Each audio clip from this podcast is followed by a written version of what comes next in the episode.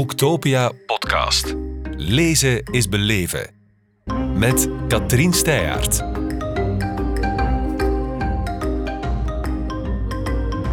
Ananda Cerné, welkom in Hallo. Kortrijk op Boektopia.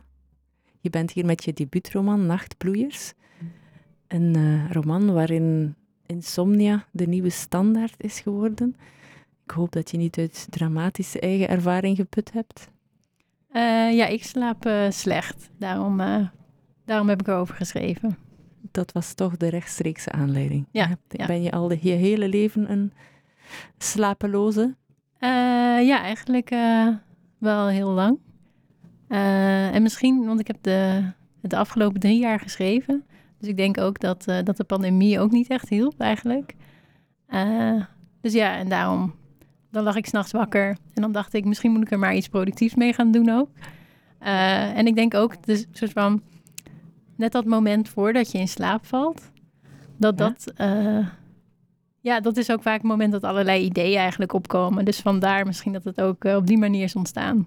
Ja, het is soms een heel creatief moment bijna, vind ik zo. Of het Mhm. moment dat je net wakker wordt, zo het sluimeren. Je Mhm. hoofd werkt op een andere manier. En Ja. soms heb je het gevoel, als ik dit nog maar kon vasthouden. Mhm, Ja. Heb jij dus gewoon gedaan. Ja, ja, dan schrijf ik soms snel nog even iets op. En, eh, maar soms slaat het ook nergens op natuurlijk, die ideeën die je dan hebt. Dus, eh, maar sommige, sommige ook wel. En je dacht, ik drijf het idee van die slapeloosheid door, want ja, je kan het misschien beter zelf schetsen, maar we zitten in een, een soort staat waarin er zelfs slaapwachters zijn. Mhm. Wat doen die mensen? Ehm, ja, ik denk ook eh, als ik s'nachts wakker lig, dan maak ik me ook heel erg druk dat ik dan niet productief ben de dag erna, dat ik er moe uitzie. en ik denk dat ik die angst eigenlijk een beetje wilde vergroten in slaapwachters die dan op straat rondlopen. En ehm, ja, mensen die er moe uitzien van straatplukken. Dus ja, ik heb dat eigenlijk die angst een Dus, beetje... Om hen tegen zichzelf te beschermen. Eh, Of wat Ja. is de bedoeling? eh, ja, in mijn boek zijn ze dan... ehm, ja, willen ze graag dat mensen zo productief mogelijk zijn. Dus ja, op die manier. Ja, dus die zijn eigenlijk gewoon aan het falen. Ja, ja. Oké. Ehm, is het ook een thema waarmee je, waarmee je iets groters wilde of kon zeggen? Mm, ja, ik denk om mij heen zie ik ook veel mensen die eh, last hebben van slapeloosheid. Eh, dus het is niet, niet, nou ja, dat klinkt ook wel heel ambitieus natuurlijk. Maar eh, op een bepaalde manier wel. Ja, dat ik, dat ik het over dat probleem wilde hebben, wat ik om me heen zie. En heb je een idee waar het aan ligt? Of wat, eh, wat er speelt? Mm, ja, daar schrijf ik ook wel eh, af en toe over. Over ja, een 24 uur maatschappij, altijd maar bezig zijn, de druk. Mhm. Eh, ja, dat soort dingen eigenlijk. Maar die iedereen wel heeft. Ben je tot bepaalde inzichten daarover gekomen door daarover te schrijven? Want schrijven is nadenken, is reflecteren. Eh, ik denk dat ik vooral tot het inzicht kwam dat... eh, omdat ik veel begon op te zoeken over wat ik er dan aan kon doen. En ook als onderzoek voor het boek. eh, dat al die tips eigenlijk niet helpen. Dus ja, dat, dat, het, dat het niet helpt. En daar, ja... Want het- er zijn ook een aantal tips in mijn boek. Zoals eet bananen en niet, niet door tunnels rijden. En zoveel mogelijk daglicht aan het begin van de dag. En ja, Ja, en dat slaat nergens op. dat is niet voor mij. nee. Oké, het is natuurlijk ook heel individueel. Ja, ja. Ehm, dat is wel interessant wat je zegt van ik ga dat dan onderzoeken, want eigenlijk is dat ook wat je hoofdpersonage Elisa doet. Die is ook daarmee bezig met onderzoek. Mhm. Wat, he- wat neemt zij precies onder de loep? Eh, zij schrijft over ehm, de relatie tussen slaapgebrek en partnerkeuze.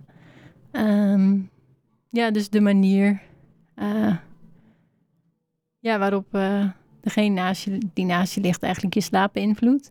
En zij slaapt dan niet goed eh, naast degene waar ze op dat moment mee samen is. Ze trekt dan- daar bepaalde conclusies uit. ja, ja, maar dat, ja, maar dat onderzoek loopt ook niet helemaal. Dus dan, ja. Er is ook iets vreemd aan de hand, want het onderzoek lijkt zo'n beetje met haar eigen Mhm. leven te gaan samenvallen. Mhm. Dat is een soort spel wat je speelt met feit en fictie. Is dat Ja. iets wat ontstaat op het moment dat je ermee bezig bent? Of was het iets wat je op voorhand heel graag wilde doen, voor je begon te schrijven? Eh, ik denk wel dat eh, wat ik schrijf ontstaat terwijl ik het aan het doen ben. Maar het was wel ook belangrijk voor mij, voordat ik begon. Ja, om, eh, om dat soort dingen met elkaar te vermengen, ja. Wat is daar zo spannend aan? Ja, nou, dat, dat is wel echt wat het voor mij zelf leuk maakt eigenlijk. Dus dat is denk ik heel, eh, heel individueel. Eh, ja, ik heb geen idee. maar Dat is heel, eh, heel intuïtief eigenlijk. En is dat iets wat je bij uitstek kunt als schrijver, want je bent ook beeldend kunstenaar? Mhm. Is Ja. het iets wat je in het ene genre, medium, beter kan dan in het andere? Zo dat spelen met feit en fictie? Ik denk dat schrijven daar een heel goede, eh, goede manier is om dat te doen. Ja. Misschien fotografie bijvoorbeeld zou ook een goede manier zijn, denk ik, omdat dat ook een eh, documentaire basis heeft. Maar eh, ja, met schrijven is dat toch wel heel, een heel rijke grond om daarmee te, Mhm. te werken, ja. En hoe, hoe zie je die twee? Want je doet de twee. Mhm. Hangt dat puur van het moment, van je intuïtie af, wat je wanneer doet? Hangt het van het onderwerp af, welk medium je dan kiest? Hoe, hoe werkt zoiets? Mm, ja, dat is een heel goede vraag. Eh, ik denk dat ja, iets als, eh, als slaap. Nee, daar heb ik eigenlijk ook in mijn beeldend werk mee gewerkt. Maar. eh, ja, nou misschien is het. Ik ben onlangs op Spitsberg geweest. Dan, maar dat is voor iets heel anders. En ik vond dat bijvoorbeeld zo'n mooie omgeving. Dat ik bijna niet meer wist hoe ik daar beeldend iets mee zou moeten doen. En toen dacht ik eigenlijk van, oh ja, dit zou misschien interessanter zijn om iets over te schrijven. Dus dat was wel een heel duidelijk moment waar, waar eh, ja. Te overweldigend om daar visueel nog iets mee aan te vangen. Ja, en, de, en dan- natuurlijk heb je hele mooie foto's van ijsberen en ijsschotsen, maar ik weet niet of het nog iets toevoegt om dan nog, nog een ijsschots te fotograferen. Dus dan kun je misschien beter een ijsschot schrijven op een bepaalde manier. ja, ja, dat is- lijkt me op zich een heel boeiende uitdaging, een ijsschot schrijven. Er zitten wel foto's in je boek. Ja, ja. Waarom wilde je dat? Eh, ja, dat zijn foto's die ehm, de hoofd... eh, ja, Elisa dan. Die zij bijvoorbeeld met haar telefoon maakt. Of eh, foto's uit haar jeugd. En dat was weer heel intuïtief. Dat ik dacht, ja, die moest er dan bij. Op dat moment of zij stuurt van op een gegeven moment van af een vliegveld een foto naar iemand. En ja, Het, het voelt alsof je ons daar als lezer daardoor nog meer binnentrekt. Dat is heel gek, want je zegt het zelf, je kan ijsschotsen schrijven. Met woorden kan je eigenlijk alles oproepen. Ik geloof ook niet dat een schrijver beelden nodig heeft, letterlijke beelden, maar het heeft toch een bepaald effect als je het leest. Je hebt, ja, het vergroot de dichtheid of zo. En, maar misschien is het ook omdat dat we dat tegenwoordig denk ik heel vaak doen. Snel een foto naar elkaar sturen. En Omdat het bij onze manier van communiceren hoort. ik denk dat dat zo is. Ja. Voor mij wel, ja. Ja. Hoe, wat voor traject legt zij eigenlijk af? Ik wil het liever jou laten vertellen dan dat ik te veel zou weggeven. Mhm. Maar waar moeten we Elisa situeren? Eh, het is iemand die een... eh, ze is opgegroeid op een, eh, op een binnenvaartschip. En zij zoekt eigenlijk een... ja, een anker, noem ik het in het boek. En daar gaat ze naar op zoek. Mm, Iets waar, Maar- waar je, waarvoor je put uit je eigen ervaringen, want jij bent ook op, een, op zo'n schip opgegroeid. Ja, ja dat, dat deel was wel. Ik denk dat dat heel moeilijk is om daarover te schrijven als je dat niet. Ging ik net zeggen. het is heel specifiek. Eh, Het lijkt me heel bijzonder om op zo'n schip groot te worden. ja, eh, ja, nou ja, voor mij was het heel normaal. maar eh, inderdaad, ik denk eh, dat het moeilijk is om daarover te schrijven als je dat niet weet hoe dat Waren was. jullie dan altijd onderweg? Ja, eh, ik heb op een binnenvaart eh, internaat gezeten dan. Langer dan in het boek. In het boek is Elisa maar tot haar negende. Ik heb tot mijn zestiende eh, zo gewoond. Maar in het boek is zij... ehm, ja, ik denk niet dat het haar echt lukt om die vaste grond te vinden. En op een gegeven moment heb ik dat zelf wel gevonden, denk ik. Dus dat, dat is Maar misschien had je die zoektocht, heb je die zoektocht ook wel moeten afleggen, net zoals Elisa. Mm, ja, maar ik denk misschien zijn het ook veel mensen die in de twintig zijn... die op een bepaalde manier zo... eh, Je, hoeft, je hebt er geen schip voor nodig. nee. nee. Maar hoe, hoe werkt zoiets in binnenvaartinternaat? Sorry, ik, ben, ik Mhm. heb daar nog nooit van gehoord, dus ik weet Nee. echt niet wat ik mij erbij moet voorstellen. Eh, nou, toen ik zes was, ben ik naar dat in. eh, ja, toen ging ik daar eigenlijk naartoe met andere kinderen die van, een, eh, van dezelfde achtergrond kwamen. Ja? Ja. Dus jullie zaten daar eigenlijk samen als lotgenoten. Ja, dus in het weekend was ik, was ik bij mijn ouders. Ja? En door de week was ik dan in Rotterdam. Eh, maar ik had, waren aan het varen door Ja. de week. En ik had eigenlijk best wel medelijden met de kinderen die, eh, die geen schip hadden om in, het weekend naartoe te gaan. Dus, dus er was- ook.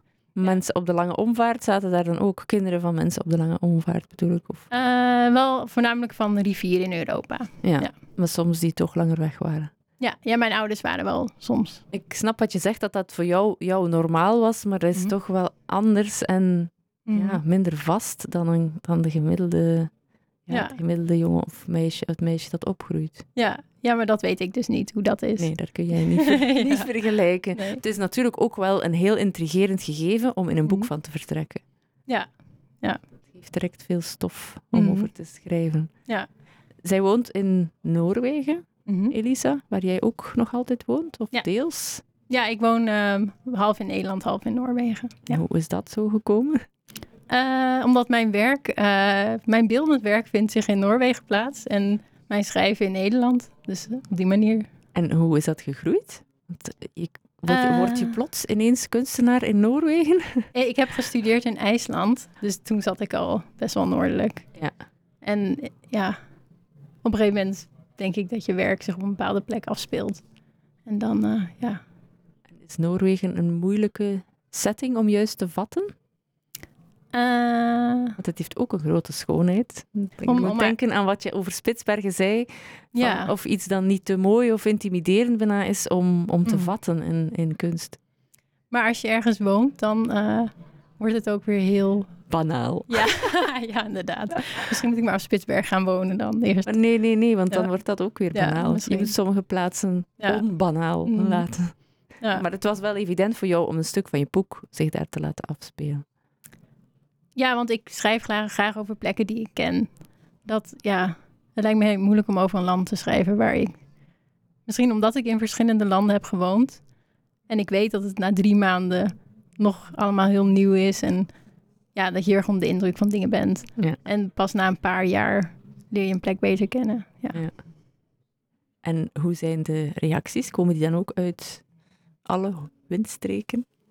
Eh, nou ja, het is in, het- in het Nederlands geschreven. Dus eh, ik denk dat eh, mijn vrienden in Noorwegen het heel graag zouden lezen.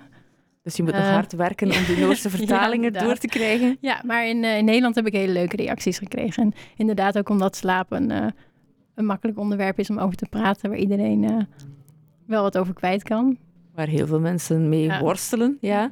Zie je er zelf de, de knipoog in die sommigen zien naar de klassieker van W.F. Hermans, die dan eh, Nooit meer slapen heet? Eh, ja, ik begrijp het heel goed, maar het is wel heel toevallig dat... eh dat natuurlijk, er zit daar ook een, een, falend, nou, een, falende wetens, een falend, falende wetenschapper in. Maar de, ja, dat boek zat totaal niet in mijn hoofd toen ik het schreef. Eigenlijk. Gek, dat dat dan, want het heeft wel overlappingen. Hè? Ja, ja. Maar goed, dat is dan een, Ja. een soort mooie, nieuwe, eigentijdse variatie op. Mhm, ja. Of hoe bekijk je het dan? Eh, ja, nou, ik denk wel als ik in Italië had gewoond, dan had mijn boek, dan was het over, ja, in Italië had het plaatsgevonden, maar. eh, en ik heb het natuurlijk wel gelezen als kind, maar. Ja, ik, misschien ben ik in, ja, vind ik het interessanter wat andere mensen daarover zouden zeggen. Er mag een kleine studie naar gedaan worden. Ja. Iemand die nog een thesis onderwerp nodig heeft, Ja. kan zich melden. Mhm. Laatste vraag, wat, wat, wat voor lezers hoop je te bereiken? Bij wie hoop je dat dit boek terechtkomt? Eh, nou, mijn uitgever beschreef het heel mooi op mijn boekpresentatie. Dat ze zich voorstelden dat mensen het s'nachts zouden lezen als ze niet konden slapen. Onder een, ja, onder een dekbed misschien als ze een partner hebben die dan wakker wordt van het licht, zo met een telefoon. Of met een hoofdlampje voor Ja. in de tent? Inderdaad. Ja. Eh, en dat, dat hoop ik. Ja, dat zou leuk zijn als mensen niet kunnen slapen. Dat ze toch nog van die vreselijke wakende uren iets moois kunnen maken. Ja, Oké, absoluut. dat gaan we ze toewensen. Ja, Heel erg bedankt om hier te zijn, Ananda. oké. dankjewel. Boektopia podcast. Lezen is beleven. Beluister ook de andere podcasts live opgenomen op Boektopia 2022. Nu via je favoriete podcast-app.